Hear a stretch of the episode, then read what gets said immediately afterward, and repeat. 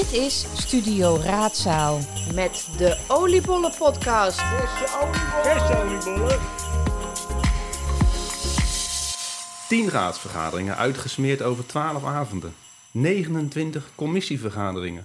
Een hele berg fractievergaderingen, werkbezoeken en opleidingsavonden. 9 VL-pleinen. 58 amendementen. 49 moties. Zomaar wat cijfers om het afgelopen jaar kwantitatief te duiden. Cijfers die duidelijk maken dat er wederom een druk politiek jaar voorbij is gegaan. Die cijfers vormen slechts één kant van de medaille. Wat hebben al deze inspanningen de inwoners van de gemeente Vijfveerlanden opgeleverd? In al die vergaderingen zijn ongelooflijk veel beslissingen genomen. Welke van al deze beslissingen hebben de grootste impact op het leven van de mensen uit Vijfveerlanden? In deze speciale oliebollen-podcast, Studio Raadzaal nummer 5, blikken we daarop terug. Maar we bespreken ook wat in algemene zin gedenkwaardig was in politiek Vijfveerlanden. En was het alleen maar serieus en zwaarwegend, of vielen zo af en toe ook nog wat te lachen met elkaar? Hoogste tijd voor een terugblik met twee boeiende gasten, burgemeester Jos Freulich, voorzitter van de Raad, en Dico Baas, vicevoorzitter van de gemeenteraad. Welkom heren in deze oliebollen-podcast. En nu zijn jullie redelijk bekend in vijf heren landen en omstreken. Maar voor de volledigheid vraag ik jullie toch om jullie even voor te stellen aan onze luisteraars. Dus Dico, aan jou de eer. Ja, dankjewel uh, uh. Um, ja, Dico Baars, dus uh, raadslid voor de ChristenUnie hier in de gemeente Vijfveerlanden en vicevoorzitter van de raad. Dat betekent dat ik uh, af en toe bij ontstentenis van de burgemeester de jargonbel mag klinken, denk ik, al meteen aan het begin. Ja, laat Hij is wat vermoeid, maar... hij is wat hij vermoeid, die bel. Hij jaren voor de bel. Ja. Maar hij doet het nog wel. De nieuwe bel aan. Nou, als de burgemeester verhinderd is, dan mag ik uh, de raadsvergadering uh, voorzitten. Uh, of als de burgemeester zelf het woord wil voeren over een bepaald inhoudelijk dossier. Dat is een paar keer in het afgelopen ja. jaar gebeurd. Uh, dus uh, je kon de vicevoorzitter uh, af en toe goed gebruiken. Nou, en ik woon hier in, in Meerkerk, de plek waar we nu deze podcast opnemen. Helemaal goed. Dan hebben we het straks ook nog even over de oliebollendichtheid in Meerkerk. Maar dat komt bij de huishoudelijke mededeling. Dus die houden we even te goed. Aan de andere kant van de tafel. Ja, ik wil er eigenlijk mee beginnen, nou, Josje. Maar vooruit, goed, vooruit. Ja, ja, je, je komt nog aan de oliebollen-podcast. Ik, ik zie geen oliebol. Nee. En die was mij wel beloofd. Dus ik wilde even een punt van orde. Punt, punt van, van, orde. Punt van orde. een ordevoorstel uh, voorin. Uh, nee, ja, dat is, dat is teleurstellend. Teleurstellend. Ik dacht, dan hebben we misschien een appelflap. Want daar hou ik stiekem veel meer van. Zo'n lekkere vette appelflap, maar ook niet. We kunnen na afloop van deze podcast Okay. even gaan onderhandelen met Check. de bakker van Check, dienst. check, check, Helemaal check. goed. Ja, nou, ja, puntje, voor 2024 is er wel een Ja. puntje van aandacht. De oliebollen. eh, verkrijgbaarheid in Meerkerk en omstreken. Maar goed, Ja. eh, fijn dat je er ook bent, zoals jouw Ja. vaste gast in deze show. Ja. Ehm, en deze speciale, nou ja, een beetje karige podcast zonder oliebollen. Maar ik denk dat we ons er wel doorheen slaan. Ja, hebben we gelijk natuurlijk eh, even de, de huishoudelijke mededeling een beetje aangesneden al. De, de oliebollen is het laatste woord nog niet over gesproken, maar goed. Eh, andere huishoudelijke mededelingen die de moeite waard zijn om te vermelden. Nee, niet echt. Niet echt. Eh, ik vind nog wel even goed om aan te vullen op uh, Nico's functie. Want hij zegt, ja, als de burgemeester even niet kan, dan zit ik de raad voor. Het is natuurlijk wel veel breder. Hè. Nico heeft zich ook het afgelopen jaar hard gemaakt om hoe de raad met elkaar omgaat, hoe de raad functioneert, om daar echt een punt van te maken. En vroeger was het misschien een wat meer eh, ceremoniële functie, in plaats van het voorzitter van de raad. Maar je kunt er ook wat van maken. En dat is wel mooi dat, uh, dat Nico dat doet. De besluiten die, die opvielen afgelopen jaar. Er zitten natuurlijk veel beslissingen bij die de samenleving raken, die mensen raken, die soms ook verschillende groepen raken, andere minder, andere meer. Dat brengt een bepaalde emotie met, emotie met zich mee. En, en hoe ga je daar daarmee om, uh, Dico? Met die verschillende belangen, die verschillende gevoelens in de samenleving? Ja, ik ben er eigenlijk altijd wel heel blij mee. Uh, als mensen zich roeren en mensen zich melden omdat ze zeggen: ik, ik word bijvoorbeeld geraakt door een bepaald besluit, of het houdt me bezig, of ik, ik word er echt boos om. Ja. Dan, dan laat het zien, zeg maar, dat datgene wat we doen, de besluiten die we nemen, ook echt impact hebben in onze dorp, in onze wijken.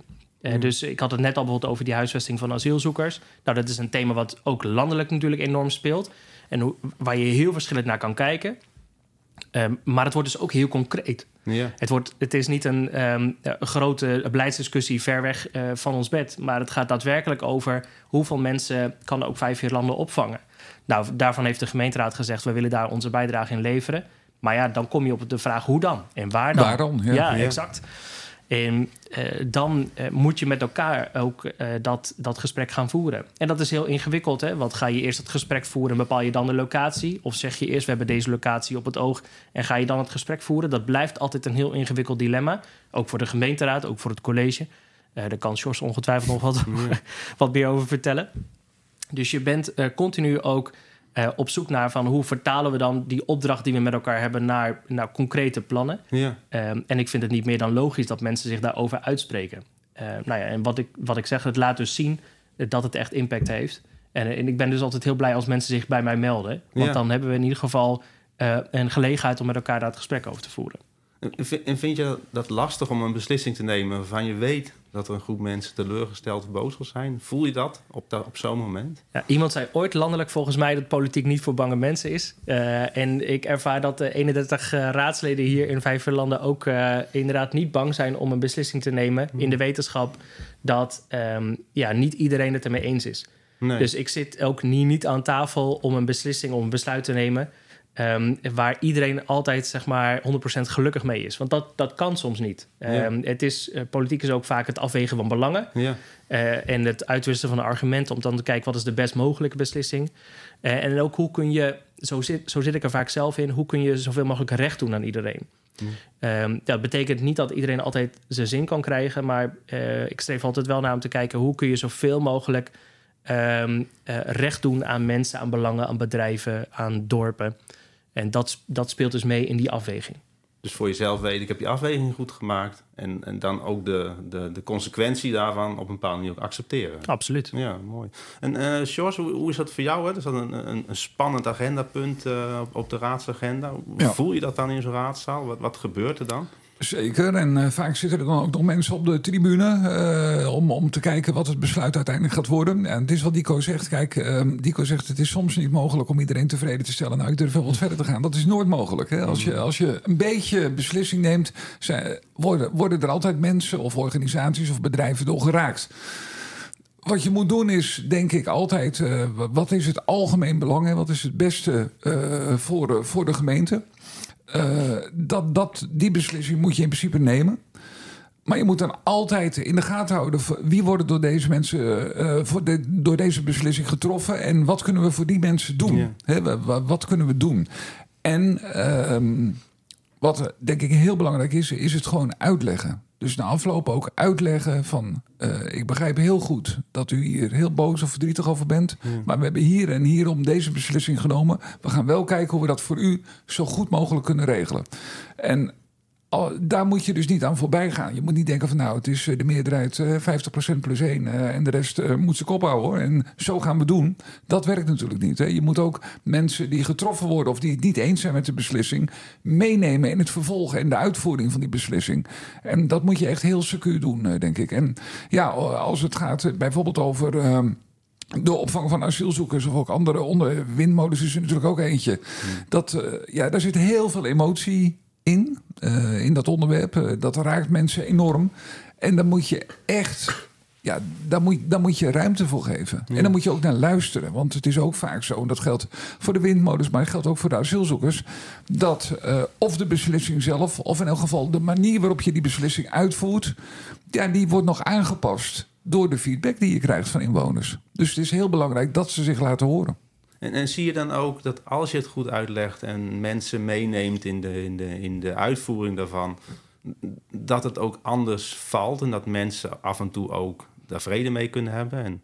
Ja, ik vind van wel. Uh, ik heb uh, vorige week een, een, stukje in de Volkskrant geschreven, omdat ik een beetje moe werd van.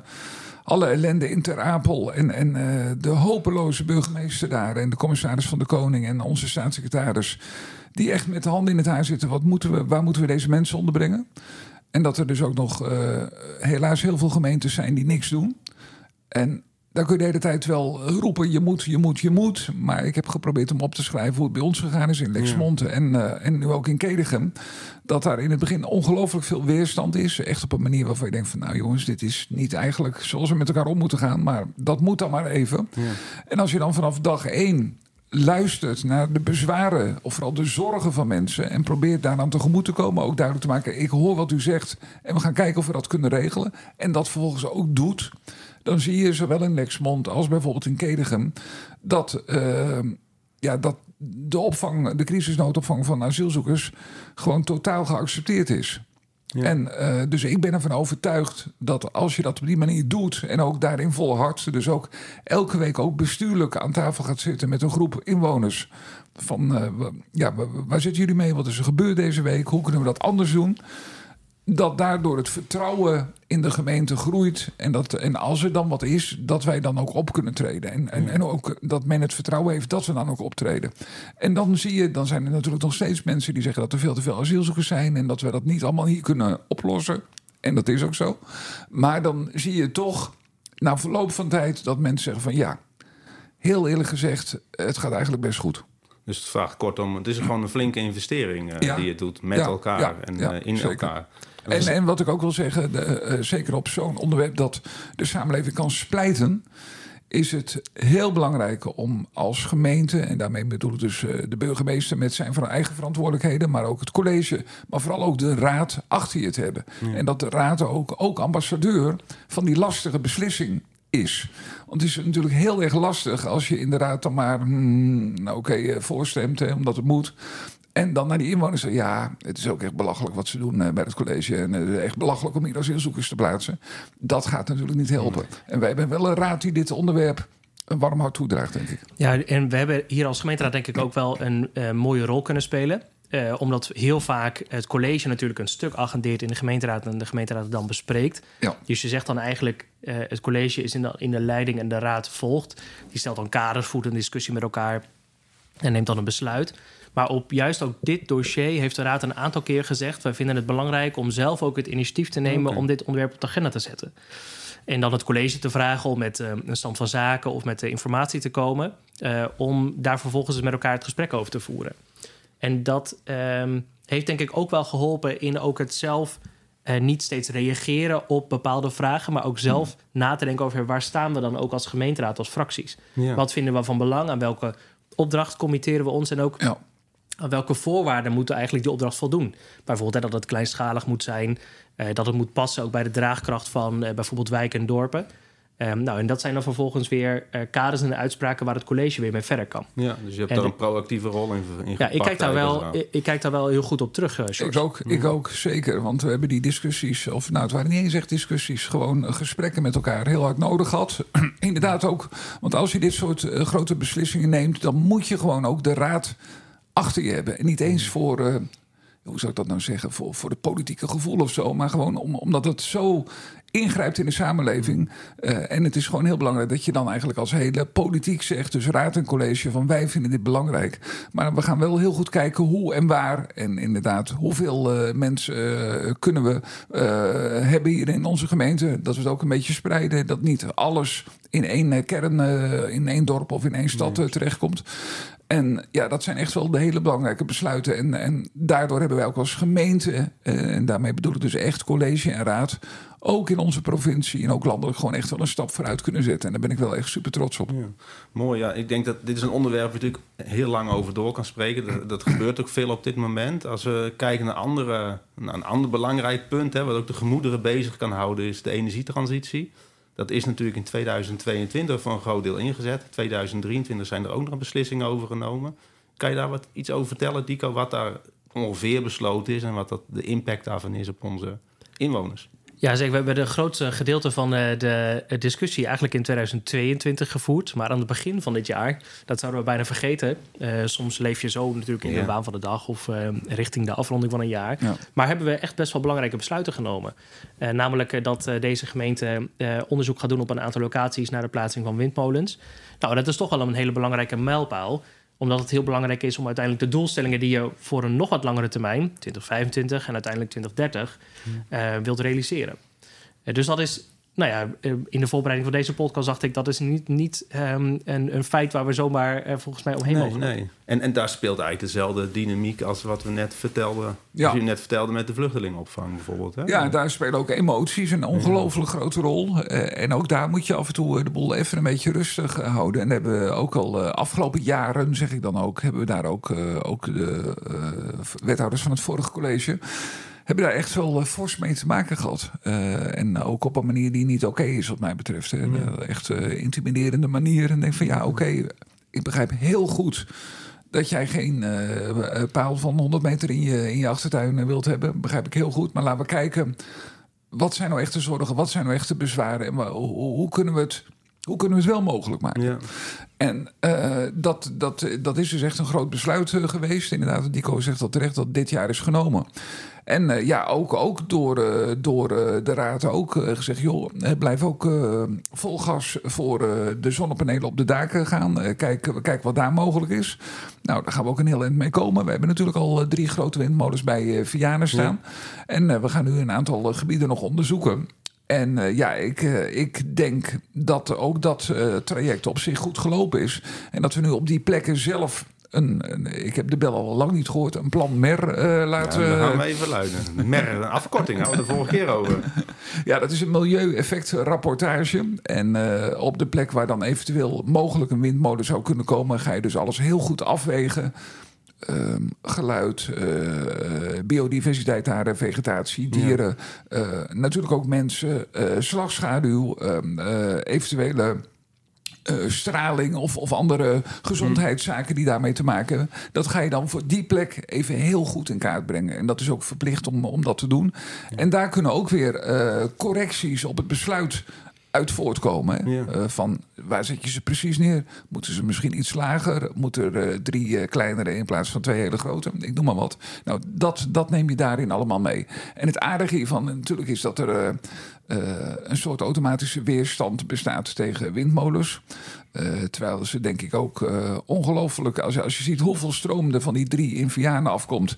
en wat je dan dus niet nodig hebt voor, voor, van fossiel brandstof... dat is enorm, dus ja. een enorme milieuwinst.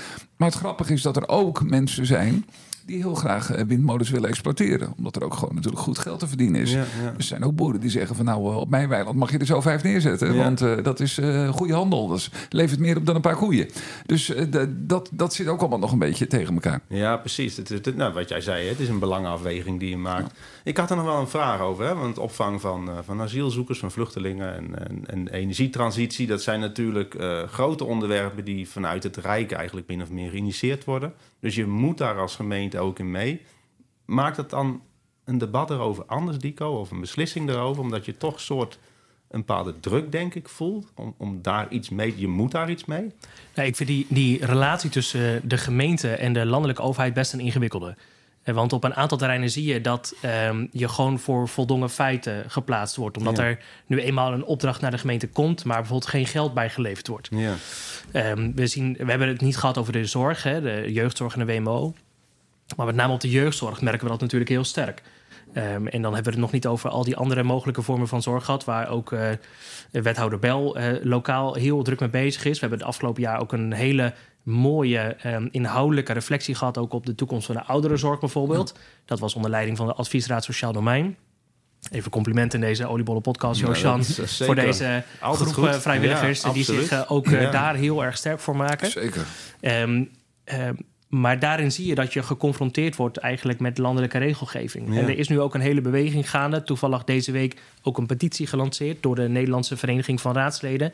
Die zeggen: Ja, um, beste Rijksoverheid, uh, je kunt wel van alles willen, maar als het geld er niet is, ja, dan, dan kan een gemeente uiteindelijk dat ook niet meer leveren. Want de dus lever is, boter bij de vis. Dat ja. is eigenlijk de vraag. De dynamiek is dat de, dat de Rijksoverheid eigenlijk tegen de gemeente heeft gezegd van... Nou, die zorgtaken zijn jullie verantwoordelijk voor. En in, jouw opinie is er eigenlijk te weinig geld voor. Of dat zeggen meer mensen. Het is natuurlijk heel ingewikkeld dat je wel verantwoordelijkheden krijgt, maar niet het bijbehorende geld om dat vervolgens ook uit te voeren. Ja. Uh, en um, hoe je het went of keert, de inwoners komen natuurlijk wel gewoon met een hulpvraag. Zeker. En dan um, kun je als gemeente natuurlijk niet zeggen: ja, sorry, het geld is op in uh, september. Ja. Uh, meld je volgend jaar maar weer. Ja, zeker bijvoorbeeld bij de WMO, de wet maatschappelijke ondersteuning. Heel goed. Um, is het zo dat, dat dat een soort open einde regeling is. Omdat je gelukkig niet weet natuurlijk wie van onze inwoners dat uh, dit of vorig jaar nodig heeft. Dat kan, het kan zijn dat iemand een ongeluk krijgt en dat zijn hele huis aangepast moet worden. Nou, wij hebben ook één uh, cliënt, uh, dat is ook een, een jongere, zal ik maar zeggen, minderjarige. Die kost de gemeente 485.000 euro per jaar. Ja. om alles te regelen. De zorg en, en, en alles wat er omheen is. Nou, dat zijn dingen die je bijna niet kunt begroten. Hè? En, en, en het Rijk, wat Nico zegt, heeft eigenlijk te weinig geld gegeven om, om dit uh, te betalen. En dan, ja, daar lopen we echt constant tegenaan. Dus dat is een lastige. Ja. Ik vind hem iets anders dan bijvoorbeeld uh, de discussie uh, asielzoekers en uh, windmolens. Ja, zeker. Omdat daar inderdaad natuurlijk ook druk op zit vanuit het Rijk. Maar ik vind, en ik vind dat, dat onze gemeente dat eh, goed doet, daar kun je zelf het stuur in handen houden. Okay. Door gewoon echt een stap vooruit te zetten van oké, okay, wij zien en wij vinden ook dat dit moet gebeuren. Dus we gaan er gewoon zelf mee aan de gang. En je ziet nu dat gemeentes dat de afgelopen jaren niet gedaan hebben. Zowel op windmolens als op asielzoekers. Ja, en die gaan de druk nu voelen. Ja, Want ja. daar komt de staatssecretaris of de provincie langs. Ja, beste mensen, we gaan toch daar echt uh, onderzoeken of daar windmolens komen staan. Ja. beste mensen, de bus met asielzoekers is onderweg naar u. En daar hebben we geen last van in uh, vijf landen. Omdat we telkens een stap vooruit hebben gezet. En dat, dat vind ik nog altijd een hele goede strategie. Ja, er zit nog wel ook een ander argument natuurlijk bij. Eh, want ik, ik herken heel erg wat je zegt, George. Maar tegelijkertijd heb je natuurlijk ook dat argument van solidariteit. Zeker. En dat vond ik ook heel mooi in dat stuk eh, van jou in de Volkskrant... waar je net al over sprak, eh, ook daarin doorklinken. Um, dat er een soort... Um, ja, gewoon solidaire houding is met... er is een, een landelijk probleem uh, en je hebt ook gewoon daar een aandeel in. Ja. Ja, en, en, niet eens bij, bij wet afgedwongen, exact. maar dat, dat vind je gewoon. Omdat het een morele ja, keuze is. En exact. dat vind ik um, uh, misschien ook nog wel een mooie toevoeging in. We hadden het net natuurlijk over het gesprek tussen um, gemeenteraad, of de gemeente en, en inwoners. Ja. Uh, wat je in de afgelopen periode uh, hebt gezien, is dat we uh, op een hele technische manier discussies zijn gaan voeren. Ja. En dat vond ik ook een beetje in die discussie rondom de energietransitie. Dan zijn de uh, rapporten zijn belangrijk en, en wegingen, want dat geeft je argumenten om die belangenafweging te ja. maken waar we het over hadden. Maar politiek is uiteindelijk ook een morele keuze. Het gaat over ideologie, over mensbeeld en over wat je belangrijk vindt. Of je inderdaad vindt dat je solidair moet zijn met medemensen uh, en met gemeenten uh, op andere plekken in het land. En dat kan natuurlijk nog steeds heel verschillend zijn. Je kunt vanuit een morele overtuiging zeggen: daar hebben we geen verantwoordelijkheid in. Ja. Um, je kunt dat uh, met volle overtuiging ook precies de andere kant op redeneren. Mijn stelling is: um, dat hebben we veel te weinig gedaan en moeten we veel meer doen. Ja, okay. Laat maar aan inwoners en aan de samenleving. Zeg ik dan tegen collega's of zeggen we binnen, binnen mijn fractie. Laat maar zien waar je hart voor klopt. Uh, waarom je de politiek ja. in bent gegaan, wat je mensvisie is. Hmm. Want dat helpt ook um, uh, inwoners die naar zo'n raadsvergadering kijken en um, dan luisteren naar je argumenten. Om iets van herkenning te zoeken in. Oh ja, maar ik herken me in de afweging die je maakt, omdat ik dat ook zo voel. Of ik herken me eigenlijk in die drijfveren. Um, dus wat dat betreft um, uh, is politiek ook geen technische zaak, maar is het ook echt een, een, een zaak waarin, um, je, nou, waarin die ideologische argumenten ook wel echt op tafel mogen komen. Ja, wel, mag, mag, mag, ik hier een ja. ongelooflijk uh, dikke streep onder zetten? Dit is echt heel belangrijk. Ja. En uh, ik vind dat dit nog, hè, want we zijn heel blij met, met hoe het gaat tussen de raad, college ja. en dat soort zaken. En ik denk dat we de goede dingen doen, maar ik denk dat we hier nog een stap in te maken hebben. En dat heeft ook te maken dat onze gemeente steeds groter is geworden. Dat je op een hoger niveau met, met beslissingen en, en onderwerpen bezig bent. Wij gaan dit jaar uit met meer dan 61.000 inwoners. Dus ja. dat blijft maar stijgen. Dat is ook hartstikke ja. goed. Um, en het uh, gaat denk ik te vaak om de 0,082 uh, terawatt. Ja, de jargonbel ja, rinkelt uh, onafhankelijk. Uh, en en, en het is precies wat Dico zegt. Wij, ik denk dat wij, en dat zou wat mij betreft echt een mooi voornemen voor volgend jaar zijn... dat we in de raad echt gaan praten over, over um, de argumenten... waarom je vanuit je ideologie of je geloofsovertuiging iets vindt. Ja. en... en uh, dat los van de tabelletjes. Natuurlijk, die, die moeten ook worden ingevuld ja. en vooral die moeten ook kloppen. Maar uiteindelijk gaat het erom uh, wat je echt denkt en voelt, wat het beste is voor onze gemeente. En dat doe je vanuit een drijfveer. Ja. En ik zou wensen dat we dat uh, volgend jaar nog, nog iets meer in deze raadzaal over het voetlicht krijgen. Mooi voornemen. Een beetje kleur op de wangen eigenlijk, hè? Gaat het dan over? Ja, ja andere, andere kleur op de wang is het meer. Hè? Want ja, je, je, je kunt ook wel uh, de, de, de politieke vliegen afvangen. Ja, ja. Maar meer, waar, waar, ga je nou voor? En probeer, probeer maar te overtuigen waarom ja. je dat belangrijk vindt. En dan uiteindelijk kom je met z'n allen tot een besluit. Eh, en nogmaals, natuurlijk doen de details ertoe, dat weet ik ook wel. Maar eh, het mooie van politiek is volgens mij dat je, dat je eh, vanuit jezelf ergens voor gaat. En eh, ik, zou, ik zou echt op een, op een iets ander niveau de discussies af en toe willen voeren. Mooi Kijk, inhoudelijk debat met elkaar voeren. In de afgelopen podcast ging het natuurlijk ook over inderdaad... eh, eh, raadsbesluiten moeten, moeten kloppen en moeten Ja. volledig zijn. Hè. Dus dat, dat punt, ehm, dat hoeven we denk ik hier niet over te doen. Maar om een voorbeeld te geven, Josjan... de afgelopen raadsvergadering ging het heel erg ook over... de verhouding tussen wat vind je dat de taak is van de overheid... en wat vind je dat de taak is van de markt. Het ging dus over het bouwen van huizen. Ja. En dan zie je dat ehm, met name de liberale partijen in de gemeenteraad eigenlijk een grotere rol voor de markt willen. Eh, en dat een aantal andere partijen zeggen. Om een aantal andere redenen vinden we het van belang dat de overheid en dat de gemeente veel meer aan het stuur komt te staan. Dus we hebben het eigenlijk helemaal niet zo expliciet over die grote afweging. Maar je merkt eigenlijk dat dat een hele ehm, eh, diepe zeg maar, laag is in het debat waar het dan over gaat. Eh, en dan kun je het soms niet met elkaar eens zijn, omdat je gewoon vanuit een bepaalde opvatting over wat je vindt dat een gemeente moet doen, of wat een marktpartij, in dit geval een, een, een huizenbouwer moet doen, dat dat gewoon eenmaal verschilt. Ehm, en dat is wel interessant, hè? als je dat soort argumenten, dat bedoel ik dus ook, hè? als je dat soort argumenten ook op tafel kunt krijgen, zodat je heel duidelijk kunt maken waarom je iets vindt of waarom je naar een bepaald vraagstuk kijkt. En dat Ja. dat dus verschilt ten opzichte van andere partijen. Dan til je het eigenlijk een niveautje hoger. Dan- Ja. ja, precies. Hey, we, gaan, we, gaan, we gaan door, eh, niet zo snel, maar we gaan het even over sluipverkeer hebben. Want dat is natuurlijk ook een, een, een, ja, een groot onderwerp... wat niet zozeer vanuit, nou ja, vanuit een eh, landelijke opdracht wordt, eh, wordt gegeven. Het heeft natuurlijk wel een landelijke, landelijke relatie... want het verkeer komt overal vandaan. Maar wat, wat gebeurt er precies op dit moment op het gebied van sluipverkeer? Wat is de rol van de raad erin, Diego?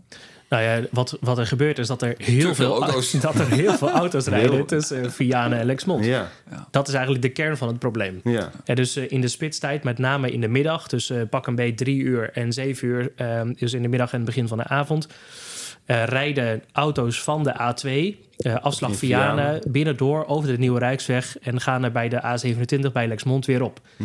En de mensen, ehm, Of ze rijden nog even door naar Meerkerk en proberen daar eh, nog eh, de snelweg op te komen. Zeker. En die eh, nog even een klein stukje doorrijden. En eh, mensen die eh, in Amaliastein en Monnikenhof in eh Vianen wonen... of eh, mensen die in eh, Lexmond wonen, die weten dat. Want die zien een onophoudelijke stoet van, eh, net nagelang waar je staat... eh, rode achterlichten die zo eh, door eh, Vianen en eh, Lexmond sluipen.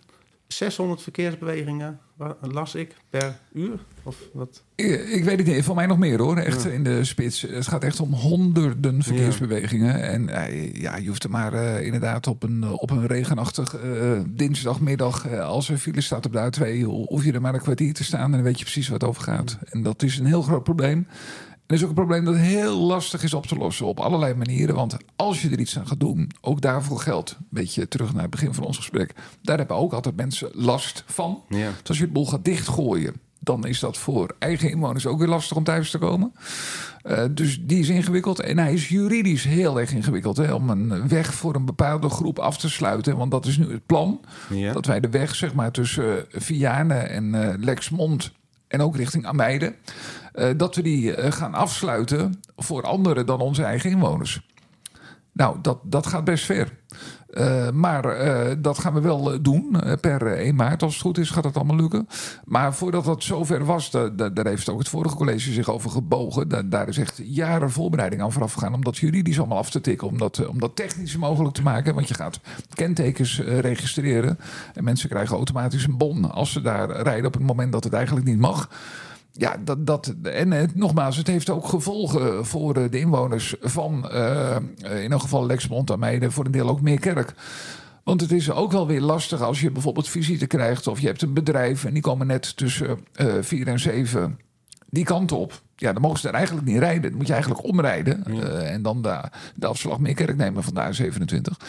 Uh, maar uh, da, dus daar is ook weerstand uh, tegen. En een andere groep, ja, die, uh, die vraagt al jaren... joh, gemeente, doe er alsjeblieft wat aan... want we worden er helemaal gek van. Dus je hebt hier echt, heel, echt twee duidelijk tegengestelde belangen... Die, hier naar, die op hun manier naar dit vraagstuk kijken. Ja, zeker. Dus jaren geleden zijn mensen in met name ook Vianen en, en Lexmond...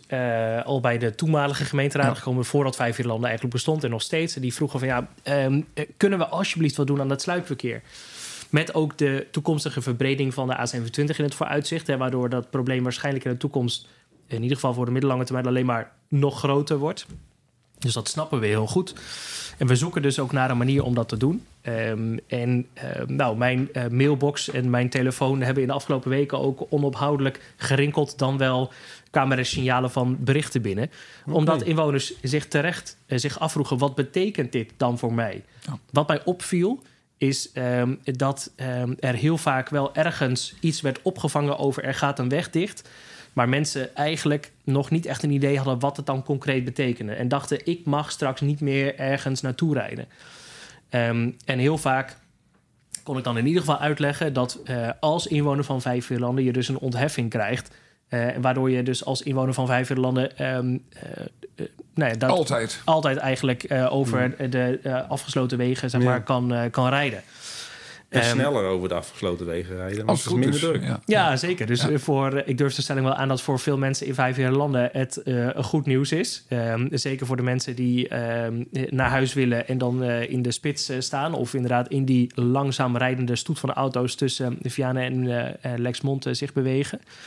Ehm, maar het, klopt hè, dat mensen, bedrijven, organisaties eh, de, de voorbeelden vertellen van ja, er komt een opa of oma die komt dan, dat vertelde eh, eh, een wethouder die hiermee bezig is eh, mij.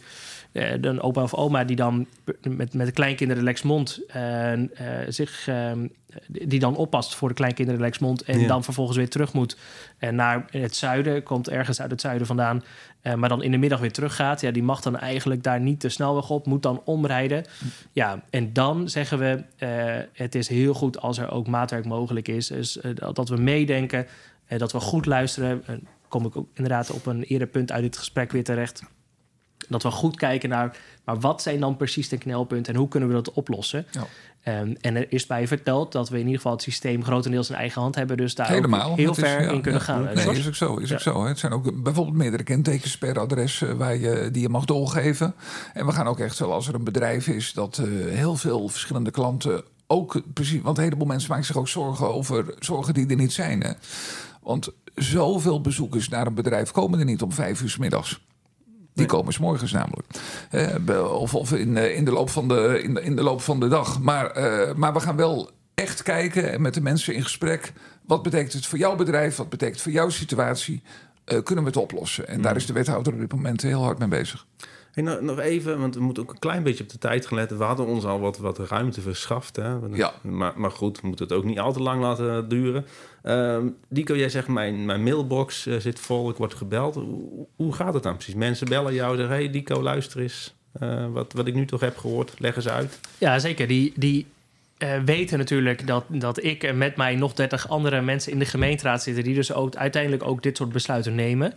En ehm, eh, zij, zij bellen mij. Mijn, mijn gegevens staan gewoon op, op de website. Kun je gewoon eh, vinden. Ehm, en, Ik bel Dico ook heel vaak. Ja, Eh, zeker. Ja, die denkt wel... Vergeet je de ik nou niet, gehoord? hè? Is Dan, eh, En eh, dan, ga, dan, ehm, dan hebben ze een, een, een vraag of eh, nodigen ze me uit om ergens langs te komen. Eh, en dat vind ik dus, en dan kom ik ook weer terug op een eerder punt in het gesprek, eh, dat vind ik dus heel fijn. ja. En want dan kan ik ook horen van, hé, maar wat voor impact heeft dan een besluit? En kan ik me goed informeren? Ehm, en dat heb ik bijvoorbeeld eh, dus in de afgelopen week heel vaak gedaan met eh, inwoners uit Ameide en Tino van der Lek. Oké, vind je niet vervelend als mensen jou zomaar opeens gaan bellen of spannend? Of, Waarom? eh, Waarom zou ik dat ja, dat vervelend weet ik vinden? niet. eh, het, eh, Het is volksvertegenwoordiger, hè? Dat is volksvertegenwoordiger Ja, zijn. ja. En ik ben, Ja. ik ben een, ik- gemeente, eh, een gemeenteraad is, is lekenbestuur. Ja. We zijn geen professionals, we zijn gewoon inwoners die gekozen zijn door andere inwoners. Dus ik ben ook gewoon een inwoner van Meerkerk. ja. Ik heb net zo goed te maken met sluipverkeer. Ik kan me heel goed inleven in wat eh, in- inwoners van Ameide belangrijk vinden. Dus ik, ik snap dat ook.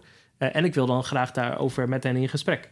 Ehm, dus ehm, ik, ik heb daar helemaal geen, eh, geen moeite mee, zeker niet. Dat is wel mooi. We hadden het vorige week over de term reces. Hè? Vakantie, wat eigenlijk geen vakantie is. Mhm. en, dat, en dat geldt natuurlijk ook in dit. Eh, mensen, je zegt niet van ik heb nu reces mensen. Mijn telefoon gaat uit. Dat is... eh, Nee, ik- zeg wel, als je nu koffie met mij wilt drinken, moeten we dat even zeg maar, in de tweede week van januari plannen. ja. Zo is het dan ook alweer, Josjan. Eh, maar zo gaat het inderdaad. Dat is net als burgemeester zijn, raadslid zijn. Dat zijn ambten, om het heel plechtig te zeggen. Uh, rollen die je vervult, die je ehm, ook vervult als, ehm, eh, als er een vakantie is, als er een, reces is. Hmm. Ehm, dus ja, er, kan altijd gebeld worden. Zeker. Oké, nou helemaal goed. Uh, ik, ik wil nog even uh, naar het volgende punt. Hè. Dat is, uh, was ook een beetje een interne aangelegenheid. De, het uitsluiten verkoop historisch stadhuis Vianen. Daarin heeft natuurlijk het college een voorstel gedaan en heeft de raad gezegd: dat gaan we anders doen. Wil je er wat over vertellen, Ja, de, we hebben natuurlijk uh, met de vorming van de gemeente Vijf Landen uh, besloten dat er één gemeentehuis komt. Nou, na een lange discussie al in de vorige periode ja. is dat Leerdam geworden. Daar wordt het stadhuis. Ehm, zo zijn de plannen straks verbouwd. Dus het wordt niet nieuw gebouwd, hè, maar wordt, het huidige, wordt de huidige plek eigenlijk helemaal gerenoveerd. Ja. Um, en dat betekent dat er natuurlijk plekken in Meerkerk en Vianen achterblijven. Um, de, het, het, het, het, huidige gemeentehuis waar we nu zitten in Meerkerk, maar ook dus het stadhuis in de Vianen met alle kantoren daarbij. En daarvan heeft de gemeenteraad gezegd dat het historische deel van Vianen, en mensen die daar over de voorstaat lopen, die kunnen dat zo zien. Hè, dat prachtige pand met die hele fraaie voorgevel, met bijbehorende uh, kunstcollectie. Mm. Um, dat um, gedeelte, dat moet eigenlijk in publiek eigendom blijven. Dat moet eigenlijk eigendom blijven van de gemeente. En dan moeten we naar een bestemming zoeken en wellicht uh, koppelen aan een uh, maatschappelijke partner, zoals een museum. Uh, dat moet eigenlijk allemaal blijken of dat het mogelijk is. maar dat, dat mooie, monumentale, historische deel moet um, in handen blijven van de gemeenschap. En dat is eigenlijk de uitkomst geweest van de, van de discussie in de gemeenteraad. En dat hield de gemoederen flink bezig. Want ik herinner me ook mensen die kwamen inspreken bij de raad. Dus iets onder de aandacht brengen van de gemeenteraad op, het, uh, op ons VL-plein. En daar kwamen hele, een hele betogen eigenlijk voorbij hè, van, van inwoners die zich daar zorgen over maakten. Ja, kijk, in, in de voorstellen stond dat eigenlijk onderzocht moest worden of dat ook dat deel uh, verkocht kon worden, of in ieder geval afgestoten kon worden. En ik begrijp dat ook hoe dat ontstaan is, hè, want uiteindelijk zoek je ook naar, ja, als je dus gebouwen over hebt, wat de beste bestemming is. Uh, en ik vond dat eigenlijk ook alweer een heel mooie uitkomst, ook van een debat, ook met inwoners, waarin ze zich uitspraken over wat vinden wij eigenlijk van belang. Want ja, het is niet alleen een stapel stenen, het heeft, uh, het heeft heel veel historische waarde. En ook hiervan kun je weer heel goed redeneren, dat kun je prima overlaten aan de markt. Maar je kunt ook heel goed hier redeneren, nee, dat moet eigenlijk in eigendom blijven van de overheid, ja. omdat het dan ook publiek eigendom is. Nou, dat was ook echt een, een belangenafweging. Ja, ja mooi. Um, ja, we hebben veel besproken en volgens mij zijn er nog veel meer dingen te bespreken. Uh, maar we gaan, ik wil toch even naar het volgende toe. Hè. Afgelopen jaar was eigenlijk het eerste volledige jaar van deze gemeenteraad. Is dat, is, heb je een soort het gevoel gehad van we zijn nu echt een jaar met elkaar aan de slag. We hebben nu echt meters kunnen maken, we zijn naar elkaar toe kunnen groeien als gemeenteraad. Is, helpt dat? Dat je echt zo'n aaneengesloten periode echt aan de slag bent? Ja, zeker. Je leert elkaar steeds beter kennen. Je hebt een volledige um, vergadercyclus, zoals dat heet, meegemaakt. Hè. Dus dat betekent dat um, dit college ook uh, met de begroting aan het begin van het jaar, de kadernota en de begroting in het najaar, uh, ook voor het eerst eigenlijk uh, zelf ook die hele, um, alle stappen zelf heeft doorlopen. Want als je als nieuw college begint, dan krijg je ook gewoon weer de documenten overgedragen van ja. het, het college wat daarvoor zat. Um, dus dat helpt hè, om het meer eigen te maken en ook om met elkaar gewoon te kijken van hey, hoe werkt die samenwerking eigenlijk. Ja. Um, we hebben het afgelopen jaar nog steeds heel veel vergaderd met de commissie um, die gaat over ruimte, wonen en duurzaamheid. En het is mijn stellige voornemen om dat in het nieuwe jaar wel anders te doen, Josian. Mooi, ik heb al veel voornemens ja. gehoord. Uh, dat, dat, is helemaal goed. Dat is eigenlijk het laatste agendapuntje, maar die kunnen we zo uh, aftikken dan. Waarop ben je erg trots? Als je kijkt naar het afgelopen jaar, Dico. Nou, ik ben wel trots op het feit dat we dus een aantal grote beslissingen uh, met elkaar hebben kunnen nemen. En dat daar dus een goed debat over is gevoerd. Uh, als ik kijk ook naar de commissie, dus waar uh, ik af en toe op de voorzitterstoel mag zitten, die van ruimte, wonen en duurzaamheid. Ja. Nou, dan merk ik dat daar dat, dat soms echt forse um, discussies en dossiers zijn. Um, een punt wat we niet genoemd hebben is bijvoorbeeld de binnenstad van Lidam. Daar gaan ja. we ook een hele visie op, op ontwikkelen. Of dat is er eigenlijk. Uh, en dat gaan we nu ook uitvoeren. Ja. Nou, dat is, een, um, dat is een complex vraagstuk, omdat daar ook belangen spelen van uh, ondernemers, uh, van winkelend publiek, van inwoners. het gaat over parkeren, het gaat over verkeersbewegingen, over economie, over, nou, op, op die manier. Nou, daar hebben we echt goede discussie met elkaar gevoerd. en daar um, eh, is een bepaalde lijn uitgekomen. Ja, ik ben daar wel trots op.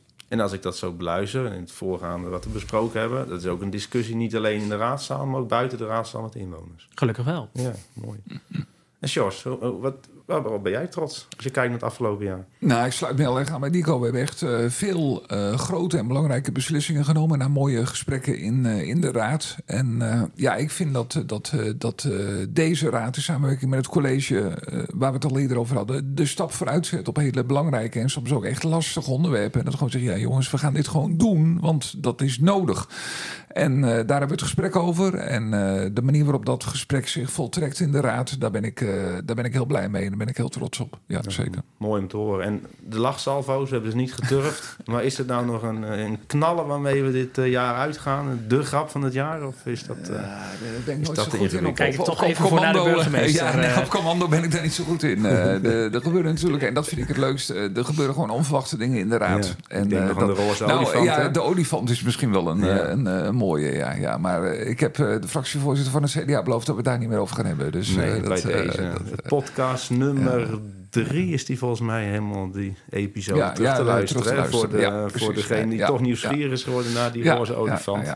Nee, ik wil nog wel even één ding benoemen. Eh, dat is iemand die voor de Raad van Groot Belang is. Waarvan ik ongelooflijk blij ben dat ze weer is. Dus onze griffier, eh, Christa. Die is eh, ruim een jaar eh, uit de running geweest. En ik kan me nog heel goed herinneren, twee jaar geleden... dat we met z'n allen, en zij voorop, het, eh, het hele eh, verschrikkelijke nieuws kregen... dat ze heel ernstig ziek was. Ja. En ze is er gewoon weer. En daar ben ik ongelooflijk blij mee. Griffier is echt eh, de linker en de rechterhand voor de burgemeester. Nu ook een nieuwe gemeentesecretaris. Eh, en dat waren de afgelopen jaren al eh, twee functionarissen, twee eh, dames die mij echt eh, staande hielden. En eh, eh, nou, we hebben nu een nieuwe gemeentesecretaris en Christa is weer terug. Dus wat dat betreft voel ik me ook wel heel erg comfortabel om het nieuwe jaar in te gaan. En ik, en ik denk dat voor de raad ook ja, heel. Christa is fantastisch vervangen, denk ik, door de andere griffiers die haar moesten vervangen. Maar Dico ook als, als voorzitter van de werkgeverscommissie. Ik denk van ja, het is zo belangrijk dat je iemand hebt die. Ja, die eigenlijk die raadsleden door en door kent. Die weet hoe het werkt. eh, Die met een hele kleine opmerking eh, kan, eh, ergens tussen kan komen of iets een beetje recht kan zetten. Ja, daar ben ik heel erg gelukkig mee. Ja, griffier te is, Ja. ongelooflijk belangrijk. Ehm, ook voor raadsleden. Hè. Dus een, een college heeft allerlei eh, ambtenaren en adviseurs tot zijn, tot haar, tot zijn beschikking. Het college Het, zijn. ja, zijn, ja. ja, zeker. Even de taalcheck. Heel goed, heel goed, heel goed. Tot zijn beschikking. Eh, maar voor een raad is dat natuurlijk heel anders. Ja. Ehm, 31 volksvertegenwoordigers. En die worden dus ondersteund door de griffie. Met de griffier voorop. Het is een ongelooflijk belangrijke positie. En er is ook een eh, mooie discussie ook gaande in het land. Waarin we ook kijken naar hoe kunnen we eh, eh, kunnen raadsleden nog beter ondersteund worden. En hoe kan ook de griffie dus nog ja, ook eh, beter in eh, positie komen. En dan vergeet ik natuurlijk eigenlijk één punt te vermelden waar ik nog, waar ik eigenlijk misschien nog wel meer trots op ben dan al die beslissingen die we hebben genomen. Dat is één beslissing vlak voor de zomer. We hebben het besluit genomen onze eh, griffie uit te breiden. Ehm, en ehm, om eh, een aantal belangrijke thema's en ambities uit te spreken. Eh, en dat is helemaal niet vanzelfsprekend. Als we kijken naar andere gemeenten, daar wordt de griffier soms wel wat meer gezien als nou, iemand die de notulen maakt eh, en die eh, ervoor zorgt dat de vergaderstukken op tijd klaar zijn en dan klaar. Maar wij hebben als gemeenteraad ook gezegd dat wij willen een rol spelen in de regio. Daar hebben we de griffier voor nodig. We willen nog meer in gesprek met de samenleving. Daar hebben we ondersteuning van de griffier voor nodig. We willen de kwaliteit van de raadstukken eigenlijk omhoog eh, krijgen. Daar hebben we ook een sterke eh griffier voor nodig.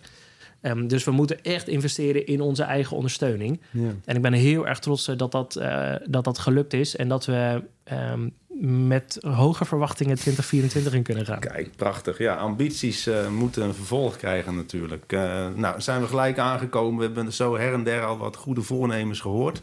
Ik denk dat we daar heel goed mee aan de slag kunnen gaan. Ik wil jullie voor dit moment bedanken voor dit mooie gesprek. Jullie een hele fijne jaarwisseling en kerstdagen toewensen. Ik hoop dat ik nog ergens een oliebolletje kan scoren. Dat moet lukken. dat moet lukken. Dat zal toch wel gaan, gaan gebeuren. Heel erg bedankt. En eh, ja, tegen de luisteraar zou ik willen zeggen... een heel mooi, eh, heel mooi uiteinde van dit jaar. En we zijn op 8 februari, ik heb het even uitgezocht... Oké, zijn Kijk we aan. toch met, met de volgende podcast. Dus eh, ik, tot dan zou ik, ik zal er zijn. En jullie ook eh, een goed uiteinde. En eh, dat we er weer een mooi jaar van mogen maken met z'n allen. Hartstikke goed, gaan we doen. Dank jullie wel. Alle goeds. Dit was Studio Raadzaal met de Oliebollen podcast.